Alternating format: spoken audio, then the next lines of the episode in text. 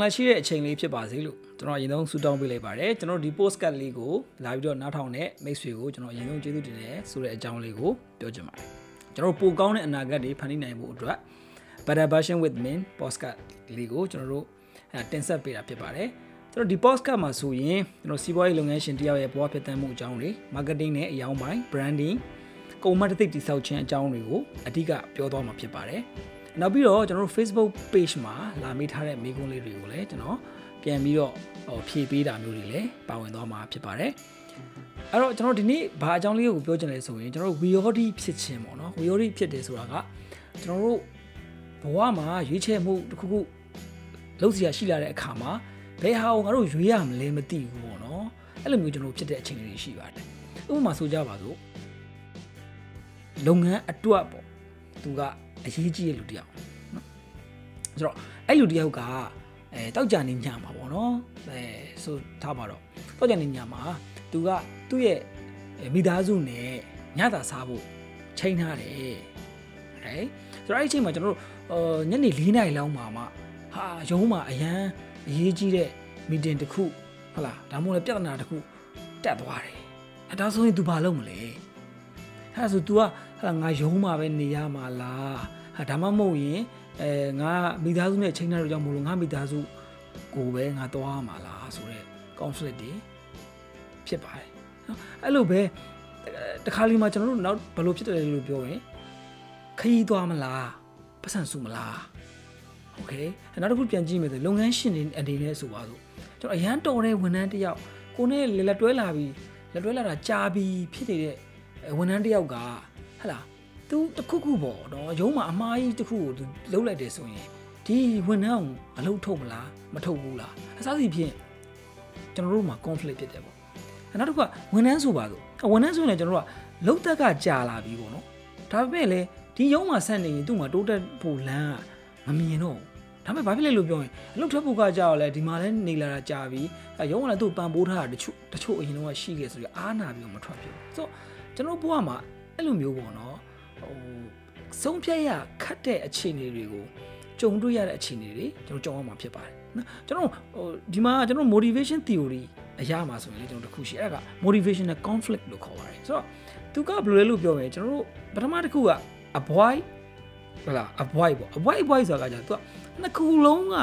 သူ့အတွက်ကောင်းမနေတဲ့ဟာမျိုးတခါလေမှကျွန်တော်အဲ့လိုအခြေအနေကြုံနိုင်တယ်အခုမှထားပါတော့ ကျွန်တော်တို့ exercise လုပ်ကြတာကိုကျွန်တော်မကြိုက်ဘူးဘာလို့ကျွန်တော်တို့ခန္ဓာကိုယ်ကပင်ပန်းနေပေါ့နော်လုပ်ကြအဲ့ဒါကိုကျွန်တော်တို့မကြိုက်ဘူးနောက်တစ်ခုက avoid spending money for gym ဟုတ်လား gym ကိုတွားဖို့တော့ကျွန်တော်တို့ပတ်စံပေးရတော့ကျွန်တော်မကြိုက်အဲ့တော့သူဒီ avoid avoid ဖြစ်နေပြီဆိုတော့နည်းနည်းလေးဒီဒီအနေထားမျိုးမှာကျွန်တော်နည်းနည်းတော့ဆုံးဖြတ်ကလွယ်ခြင်းလဲလွယ်မှာပေါ့နော်ဆိုတော့နောက်တစ်ခုထပ်ကြည့်မယ်ဆိုရင်ကျွန်တော်တို့က approach approach ဖြစ်တယ် approach approach ဆိုတာနှစ်ခုလုံးကကောင်းနေတဲ့အခြေအနေဥပမာခရီးသွားတာကိုလည်းကြိုက်တယ်ဒါမှမဟုတ်အိမ်မှာကျွန်တော်တို့က TV အစ်စ်ပေါ့နော် TV အစ်စ်ကိုကျွန်တော်တို့ဝယ်လိုက်ရှင်တယ်ဆိုတော့အဲ့နှစ်ခုလုံးအဆင်ပြေ TV အစ်စ်ကိုလည်းကြိုက်တယ်ခရီးသွားတာလည်းကြိုက်အဲ့တော့ approach approach မှာလည်းကျွန်တော်တို့ conflict တစ်ခါဖြစ်တယ်နောက်တစ်ခုကကျွန်တော်တို့က approach avoid ပေါ့ဟာတစ်ခုကကြိုက်တယ်တစ်ခုကလုံးဝမကြိုက်တဲ့ကိစ္စဥပမာ weight loss ဖြစ်ရှင်တယ်ကျွန်တော်ကအဲခုနကပြောပေါ့နော် weight ချခြင်းတယ်အဲဒါကျွန်တော်တော့ကောင်းတယ်ကျွန်တော်လုပ်ခြင်းတဲ့ကိစ္စဒါပေမဲ့ exercise လုပ်ကြတာကိုကျွန်တော်မကြိုက်အဲအဲ့ဒါ avoid ဖြစ်တယ်အဲ့တော့ ဒီအနေထားမှာငါကဟိုဒီ weight လဲကြခြင်းတယ်ခုနကပြောတဲ့ exercise လုပ်ကြမှာလည်းအဆင်မပြေဘူးမကြိုက်ဘူးဆိုတဲ့အားလေးကျွန်တော်တို့ကဖြစ်တယ်အဲ့တော့အဲ့လိုအမျိုးအစားလေးတွေကျွန်တော် motivation နဲ့ conflict ဖြစ်တဲ့အနေထားလေးတွေကျွန်တော်တို့ကြောင်းမှာဖြစ်ပါတယ်ဆိုတော့အဲ့ဒါကကျွန်တော်တို့လည်းကြုံတယ်လူတိုင်းကြုံတာပေါ့နော်အဲ့တော့ကျွန်တော်အနေနဲ့ဒီမှာဒီ post ကလေးမှာကျွန်တော်အကြံပေးချင်တာပါလို့ပြောရင်ကြတော့အဲ့ဒီကိုမြန်ဆန်ဖို့အတွက်ဆိုရင်ကျွန်တော်လှုပ်ထားတဲ့နေရာတစ်ခုကကြတော့ value based decision making လုပ်နိုင်ဖို့ကျွန်တော်ကြိုးစားတဲ့နေ value based decision making ဆိုတာကတန်မိုးထားမှုကိုအခြေပြုတဲ့ဆုံးဖြတ်ချက်ချမှတ်တာပေါ့နော်ဟိုဆိုလိုချင်တဲ့တစ်ချိန်ချိန်မှာကျွန်တော်တို့ဒီဒါကိုလုံးတင်လားမလုံးတင်ဘူးလားဆိုတဲ့ကိစ္စဘယ်ဟာကိုလုံးမလဲဆိုတဲ့ conflict ကတစ်ချိန်ချိန်မှာကျွန်တော်တို့ကြုံလာမှာပဲအဲ့တော့အဲ့လိုမျိုးကြုံလာတဲ့အခါမှာကျွန်တော်တို့ဆုံးဖြတ်ချက်တွေကိုမြန်မြန်ဆန်ဆန်နဲ့မှန်မှန်ကန်ကန်နဲ့ကိုကိုတိုင်းဟလာငါကိုယ်တိုင်နှစ်သက်လို့ဒီဟာကိုလုံးလိုက်ပါတယ်ဆိုရမျိုးဖြစ်ဖို့အတွက်ဆိုရင်ကျွန်တော်တို့ကဘာစဉ်းစားမလဲလို့ပြောရင် ကိုယ့်ရဲ့တန်ဖိုးထားမှုစရင်းတွေကိုအရင်လုပ်ထားဖို့လိုတယ်။ငါဘာကိုတန်ဖိုးထားလဲ။ငါပတ်စံကိုတန်ဖိုးထားတာလား။ငါရုံးကိုတန်ဖိုးထားတာလား။ငါမိသားစုကိုငါပို့ပြီးတော့တန်ဖိုးထားတာ။ဥပမာဗျာကျွန်တော်တို့ဟလာအသက်20ပတ်ချလဲပေါ့နော်။ဒါကကျွန်တော်ဥပမာတစ်ခုပြောတာပါ။အသက်20ပတ်ချလဲမှာဟလာကျွန်တော်ရဲ့ကဲလား intention ဒီကျွန်တော်လုပ်ငန်းဘက်ကိုကျွန်တော်ဦးစားပို့ပေးခြင်းလည်းပေးမယ်ဘာလို့လဲဆိုတော့ကျွန်တော်ဘဝတက်လန်းအတွက်ကျွန်တော်ဟလာဥမာအိမ်မှာချိန်ထားတယ်ကွာဒါပေမဲ့မသွားတော့ဘူး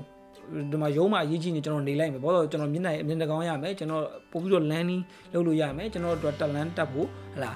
အချိန်တွေအများကြီးပို့ပြီးတော့ပေးသွားတယ်အဲ့တော့ကျွန်တော်လုပ်ဒါပေမဲ့ကျွန်တော်အသက်အလား30ပတ်ချလဲလား30 35လားမိသားစုနဲ့ဘာညာဖြစ်လာပြီဆိုတဲ့အခါကျရင်တော့ကျွန်တော်ဒီရုံးကိုကျွန်တော်ဟလာဒီလိုမျိုးဖြစ်လာပြီဆိုတော့တရားရုံးနဲ့ထားခဲ့တာမျိုးဟလာဒါမှမဟုတ်အိမ်ကိုအိမ်အိမ်မှာပြန်ပြီးတော့ပဲမိသားစုနဲ့နေတဲ့ကိစ္စမျိုးကျွန်တော်လုပ်ချင်တယ်လို့အာအဲ့တော့ ဆုံးလို့နေတဲ့ဘောဘာလို့ပြောကျွန်တော်ဆုံးပချက်တစ်ခုကိုမြန်မြန်ဆန်ဆန်နဲ့ချနိုင်ဖို့ဆိုရင်ကျွန်တော်တို့စဉ်းစားထားတင်တာကငါသည်ဘာဟုတ်တန်မိုးထားလဲဆိုတဲ့ကိစ္စလေးကိုစရင်လုပ်ပြီးတော့အဲ့ဒီကိုယ့်ရဲ့တန်ဖိုးထားတဲ့ပုံမှာမူတည်ပြီးတော့ဟလာတစ်ချိန်ချိန်မှာအဲ့လို conflict တွေဖြစ်ခဲ့မယ်ဆိုရင်ကိုယ့်ရဲ့တန်ဖိုးထားမှုကိုအခြေခံပြီးတော့ကျွန်တော်စဉ်းစားမယ်ဆိုရင်ကျွန်တော်တို့မြင်မြန်ဆန်ဆန်နဲ့မှန်မှန်ကန်ကန်နဲ့ကျွန်တော်ဆုံးဖြတ်ချက်ချနိုင်မှာဖြစ်တယ်ဒါတနည်းပေါ့နောက်တနည်းကတော့ကျွန်တော်ဘေးနောင်ဖောင်ဖြတ်ပေါ့နော် ဘေးနောင်ဖောင်ဖြတ်ဆိုတဲ့ကိစ္စကလည်းခုနက value base နဲ့တော့ဆင်တယ်ဗျဒါပေမဲ့သူဘာကွဲလဲလို့ပြောကြတော့ကျွန်တော်တို့လိုချင်တဲ့ရည်မှန်းချက်ပန်းတိုင်ပေါ်မှာသူကစဉ်းစားတာပေါ့နော်ရည်မှန်းချက်ပန်းတိုင်ပေါ်မှာမူတည်ပြီးတော့ကျွန်တော်တို့ကစဉ်းစားပြီးတဲ့အခါကျတော့မှအဆုံးဖြတ်ချက်ချတာအဲ့တော့ဒီမှာစဉ်းစားရမှာငါရဲ့ goal ငါရဲ့ရည်မှန်းချက်ကဘာလဲဆိုတဲ့ကိစ္စတွေကျွန်တော်တို့ကအရင်ဆုံးကိုကိုကိုယ်တိုင် clear ဖြစ်ဖို့လိုတယ်ဒါကြောင့်မို့ကျွန်တော်တို့ကဘာလို့တင်လဲလို့ပြောရင် ငါဘလူလူမျိုးလဲငါဘာဖြစ်ချင်တာလဲငါဘာရချင်တာလဲဆိုတဲ့ဟာတွေကိုကိုကိုယ်တိုင်ရှင်းရှင်းလင်းလင်းပြပြသားသားလုပ်ထားတဲ့တယ်မှတ်ပြီနော်ဆိုတော့အဲ့နှစ်ခုလှုပ်ချင်းရဖြစ်ရင်ဒါကတော့ကျွန်တော်ဘယ်လိုပြောရလဲဆိုရင်ကျွန်တော်ကိုယ်တိုင်ဟလာလုတ်တဲ့နီလန်းကိုပြောတာပါဒီတက်ကောင်းတဲ့နီလန်းတွေလည်းရှိနိုင်တယ်ကျွန်တော်ရဲ့ Facebook page မှာဒီဗီဒီယိုတင်တဲ့အခါမှာ comment လာရေးပေးလို့ရပါတယ်အဲစကားမဆက်ကျွန်တော်နောက်တစ်ခုမပြောခင်မှာသတိပေးချင်တာလေးတစ်ခုကအကယ်၍ကျွန်တော် podcast ကိုခုမှ ပထမဦးဆုံးအကြိမ်နားထောင်မိတာမျိုးဖြစ်ခဲ့တယ်ဆိုရင်အဲကျွန်တော်တို့ရဲ့ channel ကို subscribe လုပ်ထားဖို့အတွက်ကိုကျွန်တော်က recommend အဲ request လုပ်ပါတယ်ပေါ့နော် Okay အဲ့တော့ကျွန်တော်တို့ဘာပြောပါဆိုကျွန်တော်တို့ဘဝမှာ we we all do တွေရှိတယ်ဟလာဆုံးဖြတ်ချက်ခက်ဆုံးဖြတ်ချက်ချတာခက်ခဲတဲ့အခြေအနေတွေကြုံနိုင်တယ်ကျွန်တော်တို့ value based decision making နဲ့ဘေးနောက်ဖောင်ဖြတ်ပုံစံမျိုးနဲ့ကျွန်တော်တို့ဟလာသွားနိုင်တယ်အဲ့တော့နောက်တစ်ခုဒီမှာကျွန်တော်သတိပေးချင်တာကဘာလဲလို့ပြောရင်တန်ဖိုးထားမှုဒီပြောင်းလဲတတ်တယ်နော်ကျွန်တော်အရှိမပေးခဲ့တဲ့ဥပမာလိုပဲကျွန်တော်အသက်20တုန်းက ထားခဲ့တဲ့တန်ဖိုးထားမှုနဲ့ကျွန်တော်အသက်30မှာဖြစ်သွားမဲ့တန်ဖိုးထားမှုဒီမတူဘူးဟာကျွန်တော်တို့ဟလာဟိုချစ်သူကြီးသားမရခင်လာအိမ်အောင်မကြခင်မှာကျွန်တော်တို့ထားရတဲ့တန်ဖိုးထားမှုနဲ့အဲ့ညာရပြီးသွားတဲ့အချိန်မှာဖြစ်သွားတဲ့တန်ဖိုးထားမှုကလည်းမတူဘူးဆိုတော့အဲ့တို့ကြောင့်မို့ကျွန်တော်ဘာလို့တင်လို့ပြောရင်ကိုယ့်ရဲ့စည်ရင်းကိုပေါ့နော်မတစ်လတစ်ခါဒါမှမဟုတ်3လတစ်ခါ6လတစ်ခါတစ်နှစ်တစ်ခါပေါ့နော်အဲ့လိုမျိုးလေးကိုယ့်ရဲ့စည်ရင်းကိုပြန်ပြီး review လုပ်တယ် review လုပ်ပြီးတော့ကိုယ့်ရဲ့ ဒီတန်ဖိုးထားမှုစည်ရင်းကိုပုံမှန်လေး update လုပ်တယ်အဲဒါပေမဲ့ကျွန်တော်အနေနဲ့ဆိုရင်တော့ကျွန်တော်ဘာလို့ recommend ပေးလို့ပြောရင်6လတစ်ခါတစ်နှစ်တစ်ခါပြန်ပြီးတော့သုံးသပ်ပြီးတော့ရေးတာကိုတော့ကျွန်တော် recommend ပေးတယ်ဘာလို့ဆိုတော့ဥပမာဗျာအဲထားပါတော့တချို့ဆိုလာဒီ New Year resolution ဘာညာလုပ်တဲ့သဘောပေါ့နော်အချိန်တစ်ခုတိုင်းတာတစ်ခုပေးပြီးတော့ ငါရဲ့ life မှာအလုံးနဲ့ပတ်သက်ရင်ငါရဲ့တန်ဖိုးထားမှုကဘာလဲမိသားစုနဲ့ပတ်သက်ရင်ငါရဲ့တန်ဖိုးထားမှုကဘာလဲကို personally ဆိုရင်ငါရဲ့တန်ဖိုးထားမှုကဘာလဲငါဘလို့နေခြင်းတယ်စသည်ဖြင့်ပေါ့ကိုယ့်ရဲ့တန်ဖိုးထားမှုတွေကိုယ့်ရဲ့ရီမန်းချက်တွေကိုယ့်ရဲ့ပန်းနိုင်တွေကိုကျွန်တော်ပုံမှန်လေး review လုပ်ပြီးတော့ဟလာကြည့်သွားခြင်းအပြင်တစ်ချိန်ချိန်မှာကျွန်တော် conflict ဖြစ်လာတာမျိုးရှိရဆိုရင်ကျွန်တော်တို့ဒီမှန်မှန်ကန်ကန်မြင်မြင်စစနဲ့ဆုံးဖြတ်ချက်တွေချလာနိုင်မှာဖြစ်ပါတယ် အဲ့တော့ဆုံးဖြတ်ချက်တွေကိုမှန်မှန်ကန်ကန်မြင်မြင်စစနဲ့ချမှတ်နိုင်ကြပါစေဆုံးဖြတ်ထားတဲ့အတိုင်းအကောင့်ထဲပေါ်နဲ့နိုင်တဲ့လူတွေဖြစ်ကြပါစေလို့ကျွန်တော်ကဆုတောင်းပေးလိုက်ပါခင်ဗျာ